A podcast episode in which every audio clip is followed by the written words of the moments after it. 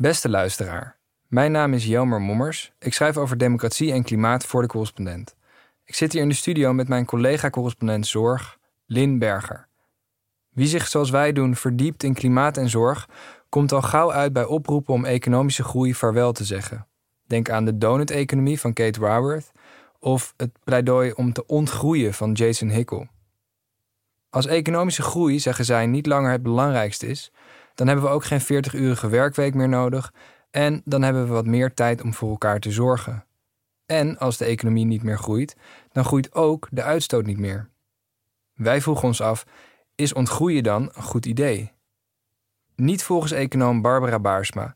Zij is hoogleraar toegepaste economie aan de Universiteit van Amsterdam.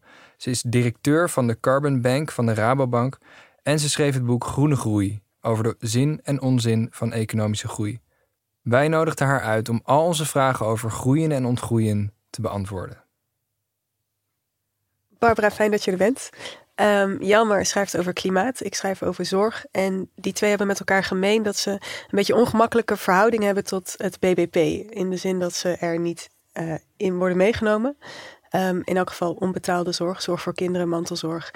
En ook de, ja, de, de, de waarde van uh, grondstoffen, uh, en de bijdrage daarvan aan de economie. Um, en tegelijkertijd hebben ze wel vaak last van de, nou ja, laten we zeggen, de negatieve effecten van economische bedrijvigheid en economische groei. Uh, klimaatverandering, tijd die naar betaald werk gaat en niet meer naar onbetaalde zorg kan. En er gaan dus veel stemmen op de laatste tijd uh, die zeggen: misschien is die economische groei niet, uh, niet meer hetgeen waar we naar moeten streven. Misschien moeten we naar degrowth of naar een donut-economie. Um, je hebt een boek geschreven, Groene Groei. Um, waarin je eigenlijk uitlegt waarom economische groei wel nodig is. Kun je om te beginnen vertellen waarom dat zo is? Mag ik één ding vooraf zeggen? Mm -hmm. Economische groei en hoe je economie hier kenschetst, is heel erg financieel gericht. En dat snap ik, want in het gewone dagelijkse taalgebruik, uh, in hoe er in de kranten over wordt geschreven, op televisie over wordt gesproken, wordt economie ook platgeslagen tot financiën, tot inkomen, tot uh, uh, belastinginkomsten enzovoort. Maar economie als wetenschap, en ik ben hoogleraar economie, dus ik heb die wetenschap economie ook na aan het hart, is uiteindelijk een wetenschap die gaat over levensgeluk, over welzijn, over wat je zou kunnen zeggen welvaart in brede zin. En daarin heeft uh, klimaat bijvoorbeeld, ja, het heeft geen voor een belangrijk deel geen prijskaartje, omdat het niet verhandeld wordt op een markt waar transacties plaatsvinden. Dus zit het niet in het BBP. Zorg zit wel in het BBP, maar vaak alleen de arbeidskosten en dus alleen maar een heel beperkt deel en niet uh, alle baten van de zorg bijvoorbeeld. Uh, maar in de economie zit die wel. En wat ik in mijn boek heb proberen te beschrijven, er zijn vijf redenen waarom economische groei echt nodig is. Maar er zijn ook vijf redenen waarom de huidige manier van groeien niet zaligmakend is. Dus ik pleit voor groei, maar dan wel een andere groei. Maar wat daar uh, uh, boven hangt is eigenlijk het volgende. Als je nu kijkt naar wat je in de kranten leest over economie, als je de krantenkoppen ziet, dan zie je overal grenzen die knellen. Of het nou een klimaatcrisis is, de COP27 is net achter de rug. Of het is een stikstofcrisis, de wachtrijen in de zorg, kinderopvang die dicht is, lerarentekort, uh, woningmarkt die op slot zit, uh, arbeidsmarkttekorten, schipholrijen. Nou, waar dan ook, het knelt. En van veel mensen is de reactie daarop: oké, grenzen knellen, dus we moeten minder gaan groeien. We moeten krimpen. Het gevolg daarvan is dat als je gaat krimpen, als je niet meer groeit, er minder geld binnenkomt aan belastinginkomsten. En er, de schatkist is dus minder goed gevuld. Wat betalen we uit die schatkist? Dat zijn juist investeringen in kwaliteit in zorg, uh, de kwaliteit van het onderwijs, uh, de rechtspraak. Allerlei instituties die zo ongelooflijk belangrijk zijn om levensgeluk, om tevredenheid met het leven te bepalen. En uh, wat je nu ziet in Den Haag is dat er overal pleisters worden geplakt op al die individuele problemen. Althans, dat wordt geprobeerd. En, en heel veel van deze problemen zagen we al nou decennia geleden aankomen. Arbeidsmarktproblemen zagen we al eind jaren 80 aankomen. Dat is gewoon demografie, kan je mhm. voorspellen. Klimaatproblemen zagen we al heel lang geleden aankomen. Stijgende kosten van de gezondheidszorg ten opzichte van wat we met elkaar verdienen, zagen we aankomen. Stikstofproblemen zagen we aankomen. Politici wisten het of hadden het kunnen weten, deden er niks aan en plakken nu pleisters. Dat wekt geen vertrouwen. Wat het overkoepelende probleem is een vertrouwenscrisis. Mhm. Die heeft echt niet als oplossing krimp nodig. Want als je gaat krimpen, dan zijn juist de mensen die het meest afhankelijk zijn van die instituties als onderwijs, zorg, rechtspraak, politie, woningmarkt, uh, die dingen die we met collectieve middelen, met belastinggeld betalen, die hebben juist groei nodig. Want waar betaal je die dingen uit? Die betaal je uit het beetje extra belastinggeld. Wil je extra investeren? Wil je vertrouwen wekken bij die groepen die zo afhankelijk zijn van die instituties voor hun levenstevredenheid? Dan heb je groei nodig. En mijn voorspelling is dat als je dat niet doet, dat dan een economie vergroenen gepercipieerd zal worden als. Um, ja, dan mag ik de rekening daarvan betalen. Ja, die klimaatnota komt toch bij mij terecht. Uh, dan gaan mensen met de hakken in het zand en krijg je geen vergroening. En vallen we gewoon ten prooi aan polarisatie en wantrouwen. En nu kom ik bij die vijf redenen waarom groei nodig is. De eerste is een psychologische reden voor een econoom gegeven. Dat geldt misschien niet zoals wij hier zitten. Laat ik voor mezelf spreken, het geldt niet voor mij, want ik heb het al heel goed. Maar gemiddeld genomen willen mensen graag een beetje meer.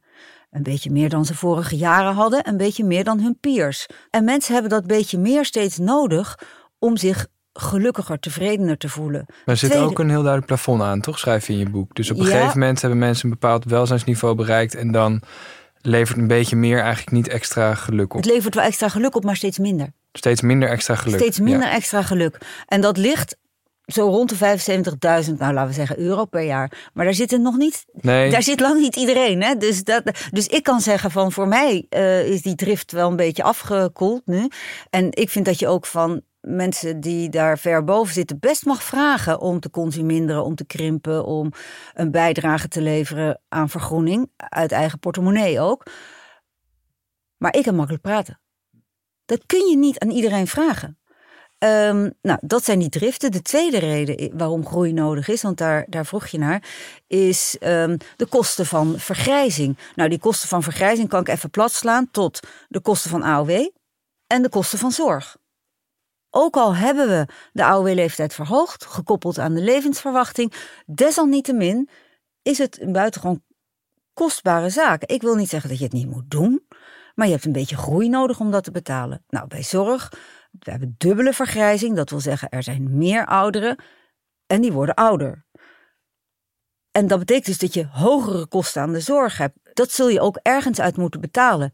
Uit groei, wat mij betreft. Want als wij niet zouden groeien, dan neemt de zorg gewoon, een soort dat wordt wel vaker zo genoemd, koekoeksjong in de overheidsbegroting. Die gaat gewoon dingen als defensie, als uh, onderwijs, uh, woningbouw enzovoort. Gewoon, die, die gooit dat er gewoon uit. Die komt daarvoor in de plaats. Die concurreert daarmee. Ja, dat is eigenlijk volgens mij brengt dat je op de derde reden die je in je boek noemt voor waarom groei belangrijk is. Dat de ziekte van Baumol heet het, toch? Ja, van Baumol, ja. Baumol, oh ja, ik had het nog nooit hardop gezegd. Ik het hier op de redactie dan al jaren verkeerd uit. Ja. Dat geeft helemaal niks. Nee. Nou, je mag ook Baumol zeggen hoor, maakt mij niks uit. Wat daarachter zit is onze economie verdienstelijkt. En een heel groot deel, van die diensten, dat zijn um, diensten die wij uit collectieve middelen betalen, met belastinggeld betalen. Nou, ik zei het al, dat is het rijtje weer, onderwijs, rechtspraak, politie, al die hele arbeidsintensieve publieke en semi-publieke diensten, die nauwelijks tot geen arbeidsproductiviteitsgroei kennen. Die worden dus, laten we zeggen, niet efficiënter. Per gewerkt uur neemt de productie daarvan niet toe. Maar de loonkosten wel. Waarom? Omdat de mensen die in die, diensten, in die sectoren werken, die concurreren op de arbeidsmarkt gewoon met de maakindustrie en met de zakelijke dienstverlening enzovoort, waar wel productiviteitsgroei is. Dus een steeds groter deel van wat wij aan lonen betalen gaat naar die diensten. En dat wordt dus steeds duurder. Een steeds groter deel van wat wij met z'n allen verdienen, het BBP, het bruto binnenlands product, gaat naar dat soort diensten. En daarmee worden dus die diensten die zo belangrijk zijn voor levensgeluk en tevredenheid, worden relatief steeds duurder. En waar betaal je dat uit? Nou, niet uit krimp.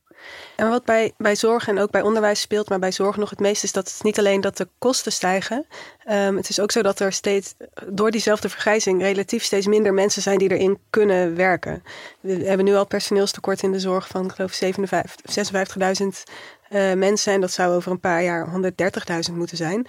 Dus um, de vraag is een beetje als het, hè, als stel we, de economie groeit en we hebben genoeg geld om daarin in te investeren, maar we hebben niet de mensen die dat werk kunnen doen. Ja. Um, hoe is groei dan nog van belang? Of, of is dat een, een ander verhaal? Nou, je zult in ieder geval heb je meer geld nodig om die zorg toegankelijk, betaalbaar en goed te houden. Uh, waar heb je dat geld voor nodig? Nou, ik denk uh, uh, voor hogere salarissen, want het moet aantrekkelijk blijven. Uh, je hebt het nodig voor innovatie. Uh, meer arbeidsbesparende technologie. Um, je hebt het voor nodig voor veel meer preventie. Want we hebben nu, kijk, als wij alleen maar blijven inzetten op uh, reparatiezorg, dan wordt het onbetaalbaar. Nou, dan een vierde reden. Ik maak het rijtje gewoon even af. Dan hebben Zou ik hem heel maar. snel even samenvatten voor ja. de luisteraars? Want die dachten misschien, wat was ook weer de eerste? De eerste was dus het is, menselijke driften, uh, menselijke driften. De, ja. de tweede was vergrijzing. De kosten van vergrijzing, ja. De derde ziekte van Baumol. Ja, en okay. de vierde is uh, schulden kunnen afbouwen. En toen wij de financiële crisis hadden, 2008, 2009 en de jaren daarna, toen uh, zag je dat uh, een overheid die schulden af gaat bouwen in crisistijd is desastreus, want dan krijg je alleen maar een langere en een diepere crisis. En je hebt dus een beetje groei nodig om schulden af te kunnen bouwen zonder dat je met, meteen ruksigloos op een of andere bezuinigingsrem moet gaan trappen. Om niet meteen in procyclisch beleid te komen. Nou, daar hoef ik het nu niet uitgebreid over te hebben, maar dat is een vierde reden. En de vijfde reden is dat herverdeling van rijk naar arm, van gezond naar ziek, van jong naar oud.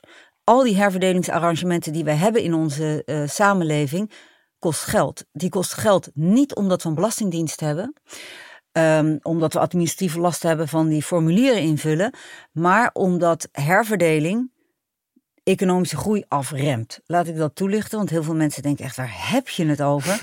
maar als je belasting gaat heffen, bijvoorbeeld inkomstenbelasting, en over het laatst gewerkte uur moet jij, uh, dat je, hè, over het laatst gewerkte uur krijg je inkomen en dan moet je een fors deel van inleveren. Dan ga je niet meer uren werken. Als mensen niet meer uren gaan werken, is er minder economische groei. Uit heel veel wetenschappelijk onderzoek blijkt dat gemiddeld genomen in Nederland um, de kosten van belastingheffing, dus de kosten van een euro belastinggeld uitgeven, zijn 10%. Nou, om dat soort herverdelingskosten goed te maken, heb je dus ook een beetje groei nodig. En herverdeling is in een economie als de onze hartstikke belangrijk. Want als je niet zou herverdelen, zou een hartstikke ongelijke inkomensverdeling hebben. Doordat die herverdeling best aardig werkt in Nederland.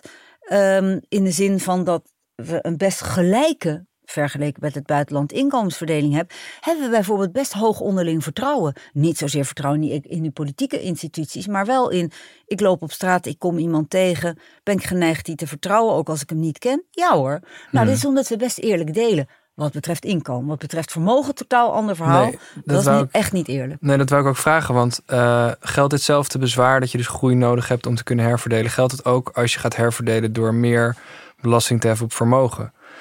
Ja, kijk, alles wat sterk reageert op, uh, op fiscale prikkels. Um, wat snel naar een ander land kan verplaatsen, waar je snel je, je gedrag kan beïnvloeden door bijvoorbeeld minder uren te gaan werken, geen opleiding meer te doen. Dat heeft grote verstorende effecten.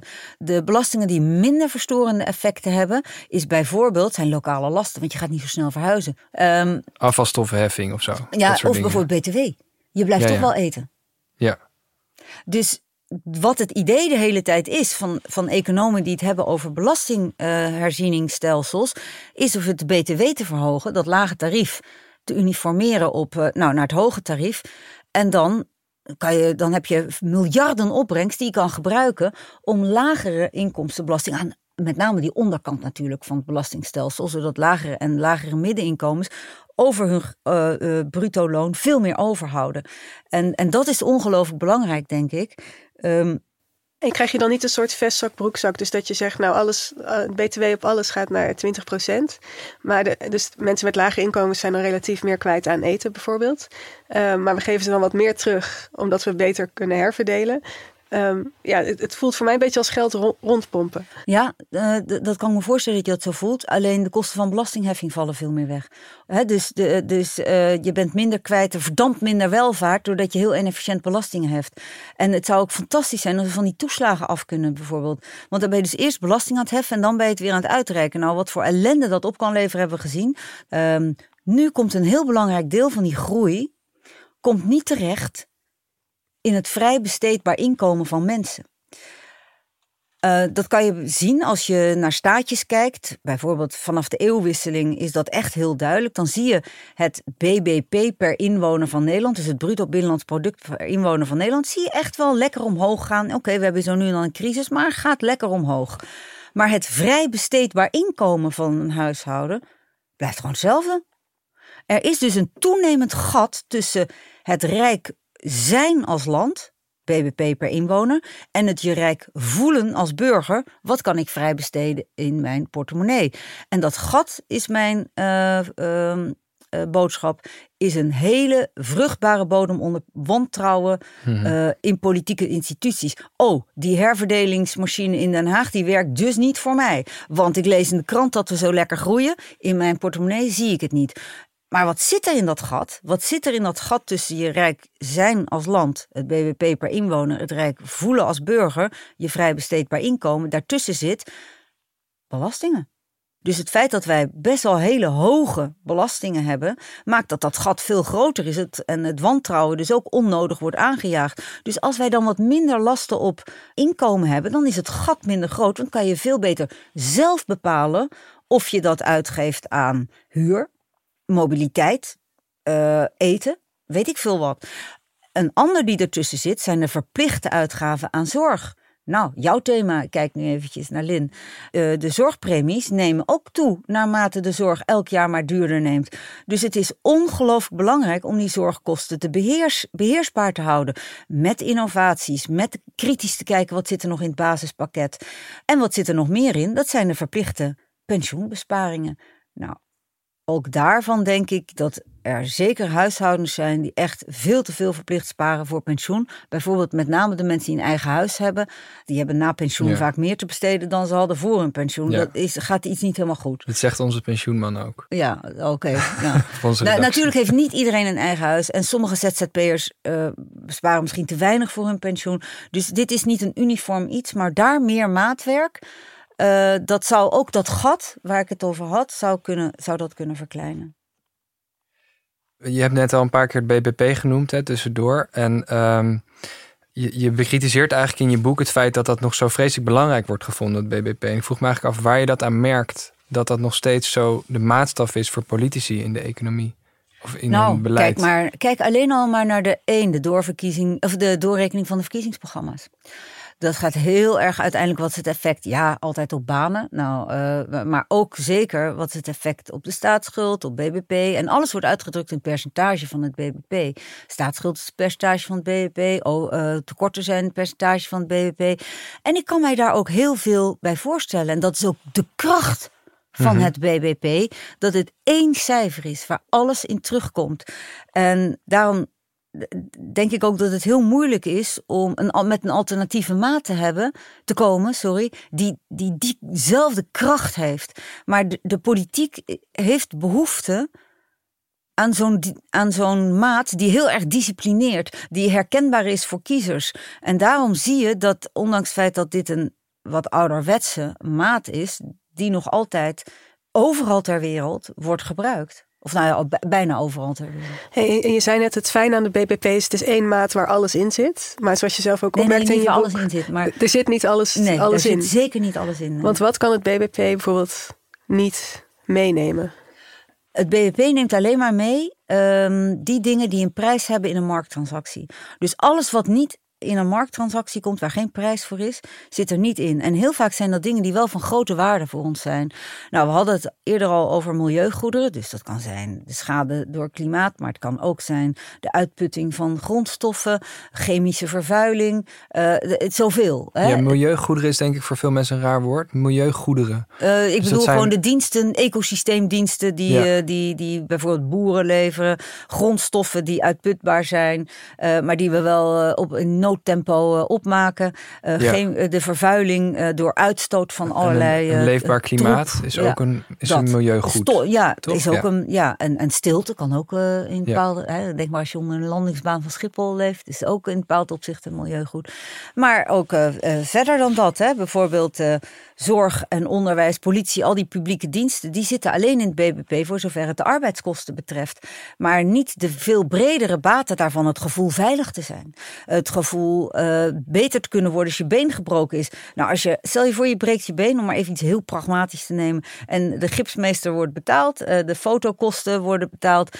Maar hey, de baten van dat jouw been weer beter wordt, die zijn echt wel wat hoger dan dat. Maar dat zit niet in het BBP. Nou, en dan zijn er nog allemaal uh, informele uh, activiteiten van mantelzorg tot oppassen, tot ruilhandel, uh, die er niet in zitten. En natuurlijk zwarte, uh, hoe heet het, zwart betalen zit er ook niet in.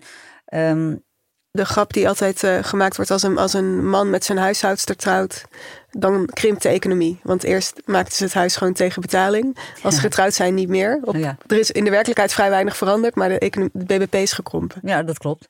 Dat klopt helemaal. Dus, um, maar, maar bijvoorbeeld ook als je door de jaren heen gaat vergelijken, juist omdat we nu een verdienstelijkende economie hebben, neem bijvoorbeeld de zoekmachines van Google. Dat is heel moeilijk om dat in het BBP te krijgen, want het zijn gratis diensten. Gratis, ja, niet echt gratis natuurlijk, want je levert data uh, aan, aan Google, die dat weer op een andere manier vermarkt. Dus is het BBP nog de maat der zaken? Nou, eigenlijk niet, maar we hebben geen alternatief. Wat je dan ziet is dat er wel alternatieven als de SDG-doelen nou, um, Sustainable Development Goals. Ja, de, de doelen van de VN, zeg maar. Nou, dat zijn er 17 in totaal. Daarachter zitten 169 targets uit mijn hoofd. En 200, wat is het, 32 of 252 of zo indicatoren.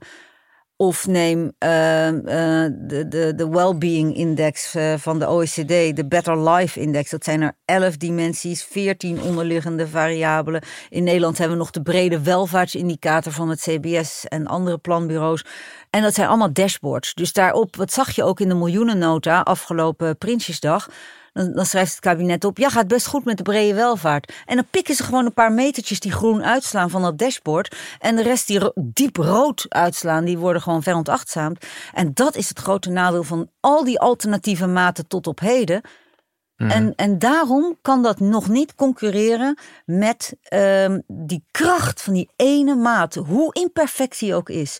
Dus mijn reactie als de vraag is, ja, dat BBP, wat is het alternatief? Ik denk nog niet dit soort dashboardmaten uh, die alleen maar politieke willekeur uitnodigen. Ik zou zeggen, laten we zoveel mogelijk in het BBP brengen. Dus laten we uh, bijvoorbeeld als het gaat om die milieugoederen, een enorme koolstofheffing, een stikstofbelasting.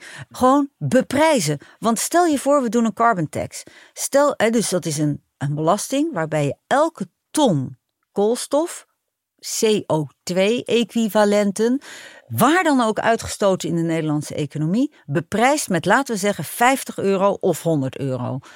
Um, dan heb je al miljarden extra opbrengst. Nog even los van de gedrags, gedragsreactie. Want op een goed moment hoop je natuurlijk dat mensen dan ook minder gaan uitstoten. Dan zal je opbrengst minder zijn.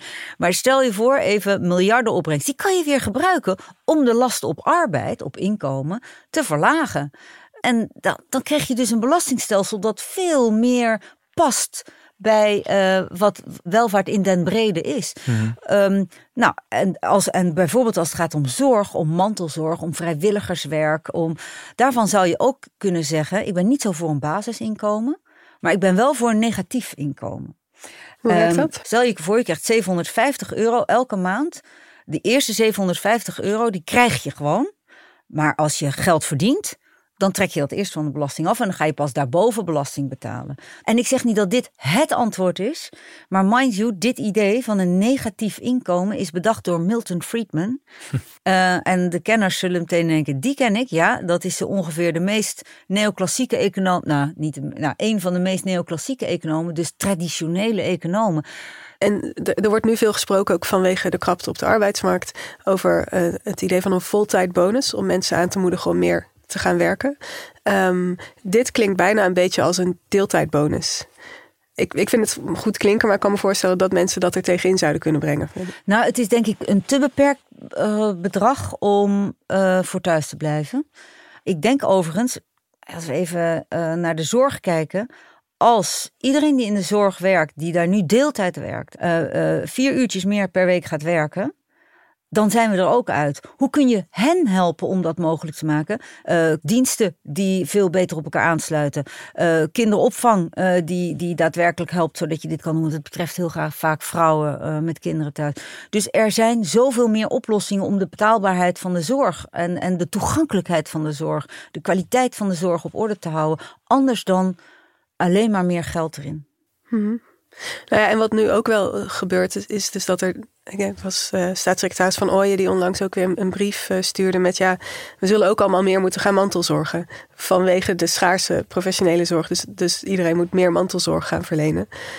In de toekomst, zegt hij, zal iedereen een naaste hebben waar die voor zorgt. Maar dat is natuurlijk een deels een verplaatsing van het probleem als die mensen die mantelzorgen, dan, die, die, kunnen dan vervolgens weer niet zoveel betaald werk doen als ook wordt verlangd. Ja. Dus er zit ook een. Ik heb ook soms het idee dat, dat verschillende departementen langs elkaar heen werken in het, in het plakken van die pleisters. Enorm. En dat is alleen maar toegenomen. Um, en nu, uh, vanwege die enorme versnippering in het politiek landschap, we hebben 21 ministers. Nog weet ik hoeveel staatssecretarissen. En dus is het beleid noodgedwongen nog verder opgeknipt in kleine mini-stukjes. Ja, ik, ik wilde wel uh, nog wat vragen over, over, over groei en uh, klimaat. Het belang van groei. Zei je meteen, nou heel veel dingen zouden niet kunnen als we krimpen. Wat ik me afvraag is of de mensen die nu kritisch zijn op groei ook echt pleiten voor krimp. Dat, is, dat, is, dat lijkt nu de vertaling te zijn. Maar, maar vaak als je dan kijkt, wat zeggen dan mensen bijvoorbeeld uit die degrowth beweging? Die zeggen eigenlijk, um, je zou bijvoorbeeld gerichte krimp in fossiele sectoren uh, moeten hebben. Uh, maar het is natuurlijk prachtig als uh, de duurzame installatiebranche groeit, als, als Tata Steel voortaan op waterstof verder gaat en, en nog vele dagen mag groeien. Allemaal helemaal goed. Dus het is niet zo generiek in mijn perceptie als mm -hmm. totale krimp of totale groei. En in je, in je boek heb je het ook over ontgrijzing. Mm -hmm. Is dat volgens is dat een beetje de term die, je daar, die jij daar ook voor gebruikt? Dus gerichte krimp, zou je dat wel kunnen? Gerichte krimp is noodzakelijk. Ja, precies. Ja, nee, zeer noodzakelijk. Maar waar ik het heb over um, de ontgroeibeweging, of de krimpbeweging moet ik eigenlijk zeggen. Dat is bijvoorbeeld dat boek van de donut-economie. Wat uh, zij doet, hè, de, de, de uh, Kate Raworth. Die zegt aan de hand van zeven stappen, geeft ze aan hoe we naar een economie van de 21ste eeuw komen. En haar zevende stap is om agnostisch, zoals ze het zelf zegt, over economische groei te zijn. Um, en zij noemt dat dan de fixatie op groei. En zij ziet dat als een geloof. Maar als je dat vindt, dan vind ik eerlijk gezegd net zo goed tegenovergesteld. Hè? De overtuiging dat je. Zij is namelijk echt wel tegen economische groei in, in het algemeen. Niet wat jij nu heel subtiel en genuanceerd zegt. Uh, gefocuste krimp en gefocuste groei. Waar ik het zeer mee eens ben. En voor mij is groei geen doel. Absoluut niet. Maar het is een middel om die dingen te doen waar we het eerder over hadden. Als het gaat om vergroenen, dat is een mhm. proces. Op dit moment is onze economie grijs. Als je dan naar groen wilt, dan zul je een proces van vergroening in moeten gaan. De spiegel van vergroening is ontgrijzing. Je kunt alleen vergroenen als je ook grijze omzet, dat wil zeggen grijze eh, activiteiten die niet willen of kunnen vergroenen, Beide niet, niet willen of kunnen. En er zijn er helaas ook een paar die niet willen. Daar moet je het dag tegen zeggen. En dat noem je ontgrijzen. Ontgrijzen kan je vandaag doen. Mhm.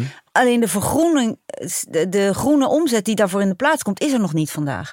De pijn neem je vandaag en je gaat werken aan vergroening. En die nieuwe omzet, die nieuwe groei is er pas overmorgen, niet morgen. Toch moeten we dat wel doen. Want ik heb gemerkt dat zonder die pijn mensen niet gaan vergroenen. Kijk maar die diepe pijn die er nu door die oorlog is, die overigens vooral in Oekraïne wordt geleden, maar de pijn die dat hier oplevert, is die aan die hele hoge prijzen. En pas dan zie je dat mensen hun gedrag gaan aanpassen. Dus soms heb je dat ook nodig. En dat, dat, ik wens niemand een oorlog toe, begrijp me absoluut niet verkeerd. Maar ik zeg, laten we het gebruiken. Laten we nu die carbon tax invoeren. Want nu is het, uh, is, het, is het gebruik veel lager. En dan kun je daarna die opbrengst gebruiken om, nou, nogmaals weer die belastingen te verlagen. En dan komt het zachter aan. Maar zou het kunnen dat je een tijdje, dus omdat het de baten van vergroening in de toekomst liggen, zou het kunnen dat je een tijdje krimpt, maar dat je omdat je hebt gestuurd op vergroening en verduurzaming uiteindelijk weer gaat groeien? Ja, en is dat dan wel acceptabel? In die, in die dingen, dus waar je nu meteen in moet stoppen, wat mij betreft kolen. Ik vind het absurd dat we die kolencentrales hebben aangesteld, weer aan hebben gezet. We zagen al eind vorig jaar dat uh, energieprijzen omhoog gingen. En we hebben niet de tijd genomen met fatsoenlijk plan te komen. En dus moeten we heel ad hoc. Oh, we doen de kolencentrale maar weer aan. Uh, oh, we moeten nu praten of het gasveld in Groningen weer open gaat. Al daarvoor, al dat soort dingen. Neem de tijd. En heb er een goed verhaal bij. En dat is allemaal niet gebeurd. Ik wou, ik wil één anekdote. Ik was in de, bij de COP27, die klimaattop. En ik zat in een, uh, een bus uh, van ja, helaas de luchthaven naar het uh, convention center. Uh, en ik zat naast een journalist uit India. Dit is dus net geweest. Net was net. Je bent net terug eigenlijk. Ja, en, um, en ik sprak met hem. Ik zei: Jeetje, wat is dat toch verschrikkelijk daar bij jullie met dat in Delhi en zo. Dat had ik dan op het NOS-journaal gezien. met die verschrikkelijke vervuiling dat je, dat je niet naar buiten kan enzovoort. En nou, we kwamen aan de praat en die vertelde mij van ja. Um, alles wat jullie daar in het Westen doen, als jullie een bepaalde afslag nemen, wij volgen die afslag. Dus als jullie je kolen weer, centrales weer aanzetten, wat denk je dat dat doet in een land als India? Maar hoe dan ook, hij vertelde dus dat er zo naar ons wordt gekeken. Nou, als je dat weet, en dat China dus ook zo kijkt, als je dat weet, dan ga je nog drie keer beter nadenken voordat je die kolencentrales weer aanzet. Hebben wij dat gedaan? Nee. nee. Uh, en ik vind dus dat je die pijn van die kolencentrales, die neem je nou ja, uh, vandaag, gisteren dus eigenlijk. En daar moet dus iets anders voor in de plek komen. Maar wat als we nou dus, uh, stel we hadden die pijn genomen, om het zo maar te zeggen. En uh, daardoor zouden we netto, nou we gaan geloof ik nu een recessie in. Maar stel ook volgend jaar zou het BBP daardoor krimpen. Is dat dan acceptabel? Ja. Omdat je wel... Nee, ja. gewoon ja. Ja. ja. Alleen ik denk dat het niet per se nodig zou zijn om te krimpen. Dus voor mij is krimp daar niet, uh, ook zonder krimp prima. Want ik denk uiteindelijk heb je wel groei nodig. Omdat er bijvoorbeeld, als wij naar groene waterstof willen, om maar wat te zeggen, dan zijn er wel echt mega investeringen nodig om dat mogelijk te maken. En waar betaal je die uit? Nou, niet uit wat we nu aan sociale zekerheid of onderwijs betalen. Nee, daar heb je extra middelen voor nodig, want je wil niet dat je minder aan onderwijs en, uh, en, en sociale zekerheid uitgeeft. Dus je hebt daar wel groei voor nodig. Nu hebben we gewoon de waanzinnige pech van en inflatie en die vreselijke oorlog. Nou, die hangen samen. Maar um, ik bedoel meer in het algemeen. Ja, pijn nemen in, in, een bepaalde sector waar je echt afstand van weet, je gewoon geen toekomst heeft, uh, doen. Dat hoeft niet per se tot krimp te leiden, maar als het dat doet, tant pis. Hè? Sorry, Ja. maar dan neem je die even die pijn. Alleen in het algemeen is, heeft vergroening echt wel groei ook nodig, omdat er grote, grote investeringen voor nodig zijn. En Ja. die, die pijn van ontgrijzing, wie, wie voelt die? En, en kun, je die, kun je zorgen dat die eerlijk verdeeld wordt? Ja, dan moet je dus, als je dat, nogmaals, dit moet je allemaal van tevoren bedenken en niet ad hoc doen. Maar dan kan je dus denken, oké, als wij die kolencentrale uitzetten, dan zal energie een tijdje wat duurder worden. Dat betekent dat wij die kwetsbare huishoudens moeten helpen. Maar het is ook voor een bedrijf, want je zegt, wie gaat die pijn nemen? Stel, neem uh, of een bank of uh, een groot bedrijf. Uh, die zullen ook vandaag afscheid moeten nemen van hun klanten. En ja, daar hebben ze niet meteen groene omzet voor terug. Want heel veel van die bedrijven hebben nog niet een groen product of een groene dienst ontwikkeld. Dus ik heb zoiets, beetje pijn lijden, de groene pijn, de vergroeningspijn. Mm -hmm. um, die is wel nodig om een economie te transformeren. En een van de dingen die je ook uh, net noemde is bijvoorbeeld een CO2-heffing. Ja. Uh, of een heffing op alle broeikasgassen. Um, je zei ook dat dit misschien een goed moment zou zijn om die in te voeren. Terwijl Ja. er wordt nu eigenlijk al heel veel pijn geleden in de zin dat omdat energie al zo duur is. En die zou dan nog duurder worden. Dus eigenlijk had ik twee vragen van waarom zou dit dan toch een opportun moment zijn daarvoor? En twee, zou dat genoeg zijn om die economie binnen de, uh, binnen de klimaatdoelen te krijgen? Nee, ik denk je moet ergens beginnen. En eh, dus de pijn is nu al zo heftig wat betreft die uh, energieprijzen, dat het gradueel, dus langzamerhand groeien. Dus je kondigt nu aan. Uh, volgend jaar gaat er een carbon tax komen. Nou, op de een of andere manier is er misschien in, toch een hoop in mij dat die oorlog ergens tot een einde moet komen.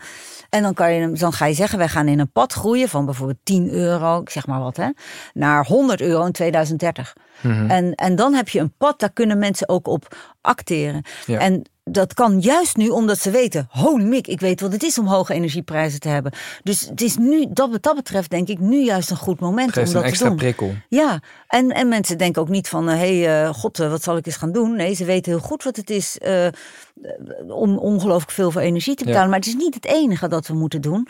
Want niet alles kan je beprijzen, zegt iemand die zeer van beprijzen houdt, deze econoom. Dus we zullen ook veel duidelijker normen moeten stellen.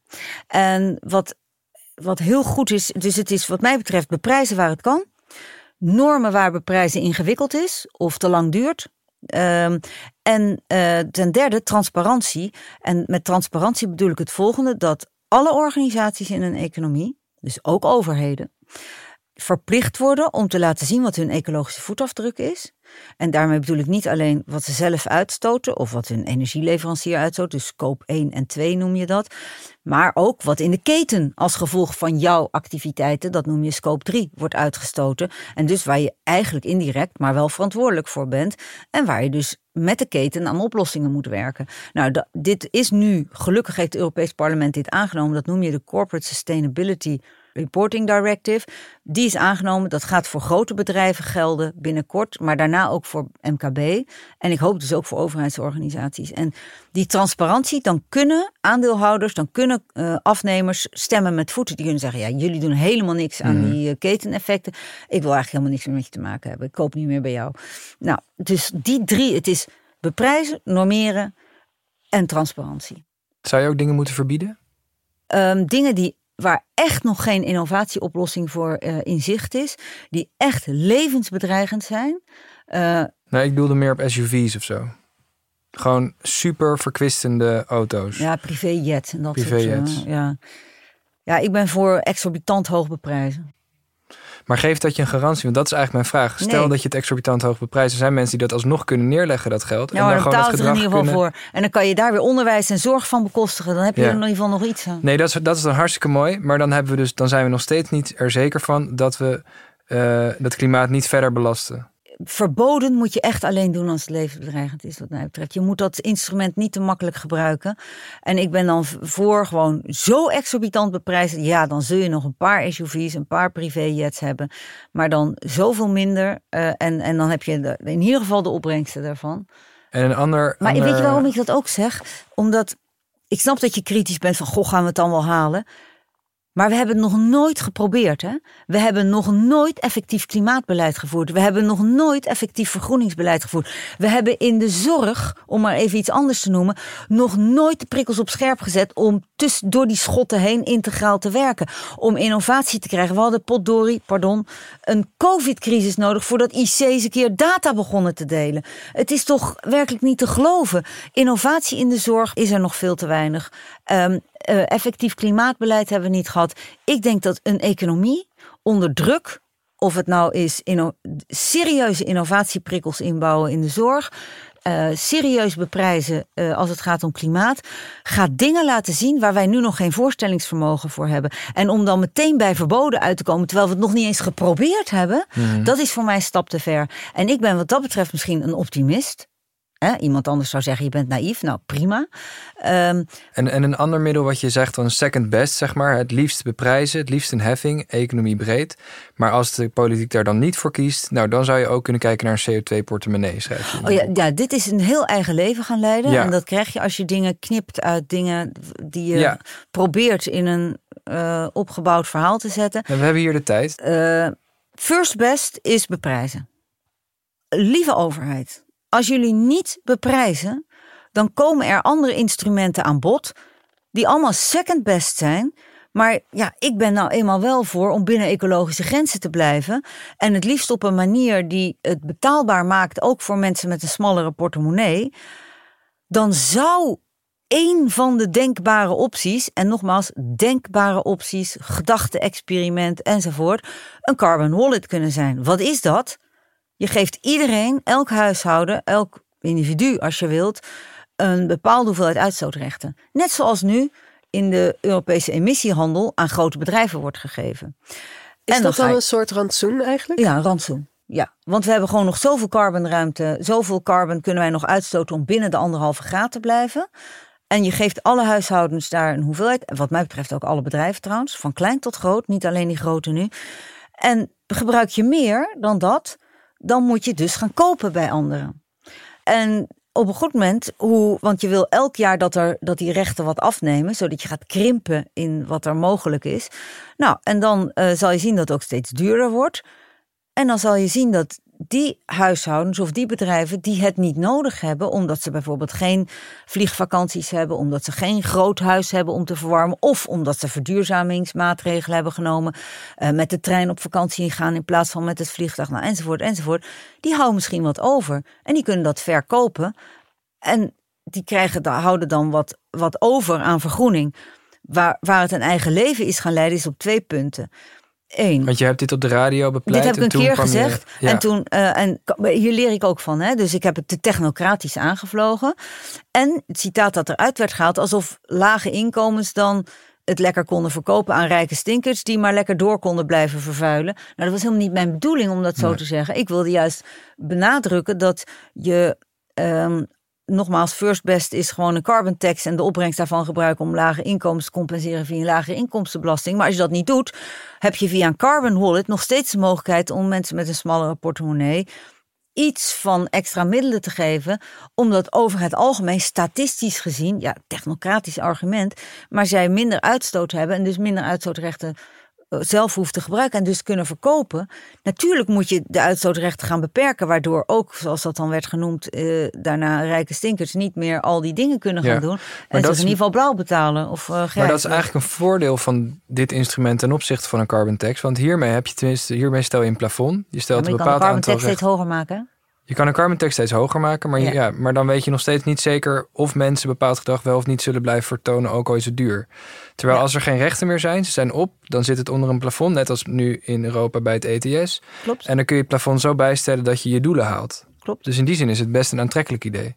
Ja, het enige is dat om, het, om bij te houden wie wat gebruikt, dan moet je, moest je ook weer data delen en zo. En dat, daar zitten, dat was het tweede dingetje, privacy issues aan. Nou zeker, ik hou ook zeer van privacy. Dus er zijn allemaal zoveel ingewikkelder om uit te voeren. Dat ook al zitten er voordelen aan, er zijn ook vele nadelen die ja, ook ik zie. Alleen wat ik wil doen, is ik wilde de overheid laten zien. Als je niet voor first best kiest, mijn hemel, dan heb je nogal wat te cheffen, wat te regelen. Ja, ik zie het zelf eigenlijk niet eens als of of. Ik zou denken, uh, prima om een CO2-heffing in te voeren en daarnaast uh, dit te doen. Of misschien wel dit voorop, omdat het de, uh, de verantwoordelijkheid voor uh, bepaalde emissies ook veel duidelijker bij mensen legt. Want ook bedrijven die produceren dingen uiteindelijk voor consumenten. Dus je kunt heel veel beleid is effectief als je het op het niveau van bedrijven of industrieën inricht. Ja. Maar uiteindelijk zijn die emissies terug toe te rekenen aan consumenten die bepaald gedrag vertonen. Dus ja, maar dan moeten die consumenten wel goed inzicht hebben ja. in de ecologische voetafdruk. Ik werk bij de Carbon Bank in, uh, van de Rabobank. En wat we hebben gebouwd is een, dat heet een carbon Insights toepassing. Dus je, hebt, je kijkt gewoon in je bankieren app. En dat is nog niet voor iedereen toegankelijk, want we zijn dat aan het bouwen. Dus er zit een wachtlijst ook. Vind ik trouwens goed teken dat mensen graag deze applicatie willen, maar dat, dat, eh, dat het nog niet voor iedereen toegankelijk is. En op basis van je betaalgegevens, dus waar koop je wat, welke categorie, want dat kan je dan zien, of het voedsel is, of uh, mobiliteit, of uh, een vakantie, en of je vast een vliegticket of trein enzovoort. Aangevuld met een enquête. Mm -hmm. en nog wat andere dingen kan je alleen als mensen het willen, over weer niet. Uh, dus het is niet van Big Brother is watching you. Nee, alleen als je het zelf wil, uh, kun je een inschatting maken van je uh, ecologische voetafdruk, van je carbon, sorry, dus alleen carbon voetafdruk. Ja. En kan je dus maand op maand of week op week zien hoe kan ik die beïnvloeden? En we zetten er tegenwoordig ook tips bij. We zetten er partnerpagina's bij, dus van um, bedrijven die een carbon light alternatief hebben. En je merkte dat uh, ja, mensen vinden dat heel belangrijk om dat inzicht te hebben. En alleen al als je het inzicht hebt, en dat heb je dus niet als je een carbon wallet hebt. Dus daarom zijn er extra middelen naast nodig. Want als je een carbon wallet hebt, weet je alleen maar dat je een bepaald hoeveelheid uitstootrechten hebt. Maar je hebt geen idee als je iets koopt. Als jij uh, naar een supermarkt gaat en je koopt melk en vlees. Nou, je verwacht wel dat het veel is, maar hoeveel het is, weet je niet. Je weet niet hoeveel je hebt opgemaakt. Nee. Als je vijf minuten doucht of, doucht of tien minuten doucht, je hebt geen idee wat het. Dus dat moet wel duidelijk duidelijker worden, wil je gedrag van mensen sturen. Dus er is meer nodig dan alleen een carbon tax, een wallet. Ja. Maar er is ook dus die transparantie, die inzichten zijn nodig. Hetzelfde geldt voor zorg bijvoorbeeld. Heel veel mensen hebben geen idee hoe voedsel een medicijn kan zijn in termen van preventie. En daarom is op al die punten meer inzicht is ook zo nodig om gedrag te beïnvloeden. Denk je dat je voor, voor zorg ook op, op een op soortgelijke manier dat je zorg zou kunnen ransoneren of in elk geval uh, aan bepaalde mensen kunnen vragen om niet meer te nemen dan ze nodig hebben van zorg. Dus ik nu ook zo met. Er zit geen bovengrens aan gezondheid. Je kan altijd gezonder worden. En hoe welvarender een land wordt, hoe hoger ook onze verwachtingen worden van onze gezondheid. En dus van zorg. Um, zou je kunnen zeggen, ja, er zit zorg is schaars.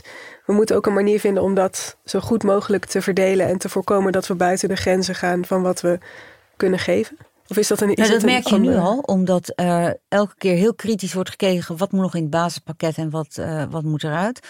En je ziet ook uh, dat als jij hulptroepen hebt in je eigen netwerk, dan krijg je bijvoorbeeld niet uh, die thuiszorg, dan krijg je niet, hè, dan moet je het zelf maar informeel met mantelzorg. Dus daar wordt, daar wordt eigenlijk al een beetje naar mhm. gekeken.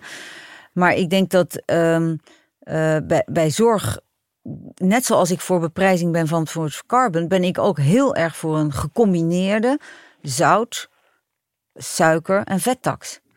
Omdat ik denk dat op dit moment uh, ongezond voedsel is veel te goedkoop. En uh, ja, je moet daar voorlichting over geven. Uh, maar mensen denken soms van, oh, en zo wordt dat ook met die, met die rare Nutri-score die er nu is, dat je dus op een pizza een A kan zien Terwijl dat een diepvriespizza bedoel ik. Mhm. Omdat dat gegeven de categorie pizza is dat dan de meest gezonde variant. Oh, ik dacht al, hoe, ik dacht is deze, is deze pizza echt zo gezond? Maar nu snap ik pas dat het in die categorie de beste is. Ja, en dat is nou, daar. en dat misleid. Is, ja, maar dat is dus zo ongelooflijk ingewikkeld. Dus, dus, dus ga gewoon al die hele bewerkte vormen van voedsel, die zijn bijna nooit heel gezond. Over het algemeen, hoe minder bewerkt, hoe gezonder. En, en laten we dat ook dus goedkoper maken. Ik zie alleen niet nog zoals je een carbon wallet zou kunnen hebben met uitstootrechten. Dat hebben ze bijvoorbeeld in, in Singapore en heb je wel. Hè, heb je een bepaalde hoeveelheid, uh, krijg je ook aan het begin van je leven, krijg je gewoon een bepaalde recht op zorg. En er zit een bepaald geldbedrag aan. Als je dat niet opmaakt, dan mag je dat bijvoorbeeld aan een studie besteden of aan iets anders. Oh, wow. En uh, zo proberen ze een prikkel te geven om, om het wat minder te doen, om wat minder te gebruiken. Je hebt gewoon een levenslang budget voor zorg, zeg maar. Maar dat is geld en dat is niet wat jij het over hebt, het recht op zorg in nature. Ja.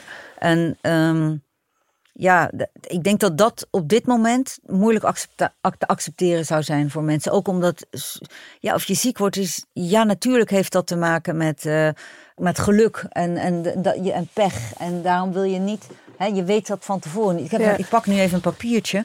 Want ik, ik kreeg van een hoogleraar um, uit de gezondheidseconomie een heel mooi staatje. En dat heet Determinanten van gezondheid. Uh, wat heeft nou de meeste impact op jouw gezondheid? Nou, ik vond het ontluisterend. Individueel gedrag zal ons hier denk ik niet verbazen. 36 procent. dus uh, je kan echt door anders te eten, meer te bewegen, kan je echt uh, veel indruk. Sociale omstandigheden, 24 procent. Poeh. Dus zorg is veel breder dan alleen maar curatieve zorg. Dat is ook van waar woon je, hoe woon je, hoeveel bewegingsruimte is er in de omgeving. Erfelijkheid en biologie, 22% Fysieke omstandigheden, weet ik veel, wat voor werk doe je en zo 7% Dan blijft er 11% over. Weet je wat dat is? Dat is medische zorg. 11% is maar medische zorg. En daar geven we bijna 100 miljard aan uit. Hmm. is, voor mij was dit echt Oké, preventie, preventie, preventie. En daar doen we gewoon bijna niks aan. Ja, nou niet vanuit het zorgbudget, maar ik som, wel misschien vanuit andere posten. Publieke ruimte. Ja, heel weinig toch? Ja, nee, het kan, het kan zeker meer. Maar de, kijk, hieraan zie je al dat gezondheid inderdaad zoveel meer is dan, dan zorg. Ik wou je nog een uh, citaat van je favoriete filosoof voorlezen. Oh, meneer Mill. Meneer ja. John Stuart Mill. Ja, ja. Hij zegt: Als de aarde een groot deel van haar aangenaamheid moet verliezen vanwege de onbeperkte toename van rijkdom en bevolking, hoop ik oprecht, omwille van het nageslacht, dat mensen genoegen zullen nemen met stilstand. Lang voordat de noodzaak hen daartoe dwingt. En ik heb het even opgezocht. Hij was een voorstander van wat, wat toen een steady state economy werd genoemd. Dus eentje die stationair draait, uh, zonder te groeien of te krimpen. En hij zag dat ook als uh, onvermijdelijk eigenlijk, omdat mensen in hun zoektocht naar groei uiteindelijk tegen de grenzen van de natuur en van de werkgelegenheid zouden aanlopen. Dus nou ja, zie waar we het over hebben gehad, de planetaire grenzen, de wet van Baumol. En zoals een steady state economy tegenwoordig wordt uitgelegd, uh, is eigenlijk twee principes zijn daarin leidend. Nooit meer onttrekken dan ecosystemen kunnen regenereren. Mm eens. En nooit meer verspillen of vervuilen dan ecosystemen veilig kunnen absorberen. Ja, ook eens. Ik denk dat, uh, want ik ben het hiermee eens. Voor mij is nogmaals groei geen doel, maar een middel. Ik ben ook pragmaticus. Wil je het beleid van vergroening erdoor krijgen, dan zul je gewoon die een beetje groei nodig hebben, zodat mensen er vertrouwen in hebben dat de zorg enzovoort allemaal voor hen ook beschikbaar blijft. Maar ik zei je ook, gerichte krimp is nodig om ook weer gericht te kunnen groeien. Ja. John Stuart Mill leeft in een tijd waarin er veel minder innovatie is dan nu. Die enorme technologische vooruitgang heeft John Stuart Mill nooit in die vorm meegemaakt. Nee. Um, en uh, nou, deze man had geloof ik 14 studies gedaan, dus ik twijfel nergens aan zijn intellect. Dus zijn basisprincipes ben ik het gewoon volmondig mee eens. Uh, maar door te beprijzen, en dit is ook iets, als je dingen die eerst buiten het BBP vallen, door ze te gaan beprijzen, komen ze ineens in het BBP. En daar stijgt het BBP ook al door. Hè? Mhm. Ja, nee, maar dat zou dus Dus dat is ook groei. En die groei heb ik het over. Ja. Ik heb het niet over groei van uh, meer uh, methaan, met veel methaan geproduceerde dierlijke eiwitten enzovoort. Daar heb ik het allemaal niet over. Nee. Ik heb het juist over, doordat je gaat beprijzen, ineens veel meer plantaardige producten. Uh, en die daarvoor in de plaats komen. Dus en daar hebben we, daar, we hebben geen idee nog hoe dat eruit nee. ziet. Nee, en dat zou dus ook bijvoorbeeld het gevolg kunnen zijn van zo'n CO2-portemonnee of een rantsoen. Ja. Is dat je dus mensen dus meer plantaardig gaan eten. Dus het is niet zo dat zo'n beprijzing per se leidt tot een meer povere toekomst. Helemaal niet. Zo zie je het niet. Nee. Helemaal niet. Nee, het is een andere toekomst. En daarom is er wel een verhaal nodig. Wat uiteindelijk ontbreekt en wat, waarom ook die vertrouwenscrisis er is. Er is niet een verhaal waarin je ziet hoe al die verschillende crises en problemen samenhangen. Want uiteindelijk hangen ja, zorg en klimaat ook samen. Want uh, beide hebben te lijden onder arbeids, uh, knelpunten op de arbeidsmarkt. Om te verduurzamen hebben we de mensen niet om de zonnepanelen neer te leggen, zeg maar even. Maar ook niet de handen aan het bed. Nou ja, en de zorg is een van de meest vervuilende sectoren dat ook, van ja. het land. Plus de ja, klimaatverandering heeft weer een negatief effect op onze gezondheid. Dat bedoel ik. Dus als je dan een samenhangend verhaal vertelt, waarin je ook aan burgers en bedrijven laat zien, daar krijg je wat. Daar vragen we wat van je. Maar uiteindelijk is het doel een betere wereld, ook voor de generaties na ons. Dan denk ik dat je, om maar even heel lelijk Nederlands te spreken, de buy-in van je burgers krijgt in plaats van polarisatie en wantrouwen. Wat we nu krijgen als je per probleem pleisters plakt en denkt, dan gaan mensen focussen ik krijg daar veel minder, ik, uh, ik, ik voel mij onderbedeeld enzovoort. Maar ze vergeten dat ze daar meer krijgen. En dat is wat, waarom zoveel nu meer moed nodig is en dat lange termijn verhaal. En denk even na voordat je een maatregel neemt. En neem ook een paar hele rake klappen. Zoals beprijzen. Als je de carbon tax doet, hoef je zoveel andere dingen niet te doen. Um, en ik denk hetzelfde geldt, ja, ik weet dat is een heel, dat vinden mensen misschien nog wel griezeliger als je zo'n gecombineerde zout, suiker en vettax doet. Maar ja, uit heel veel onderzoek blijkt dat, nou, alleen al suikerheffing op frisdrank, dat leidt op zich niet eens zozeer dat mensen minder die frisdrank gaan drinken, maar producenten gaan gewoon al andere frisdrank maken. Nou, perfect. Maakt me niet uit uh, hoe we het voor elkaar krijgen. Als dat gebeurt, is ook prima. Dat. Nou, uh, volgens mij op deze hoopvolle noot uh, ja. kunnen we met een gerust hart eindigen. Ja. Dankjewel. Heel graag gedaan. Dankjewel.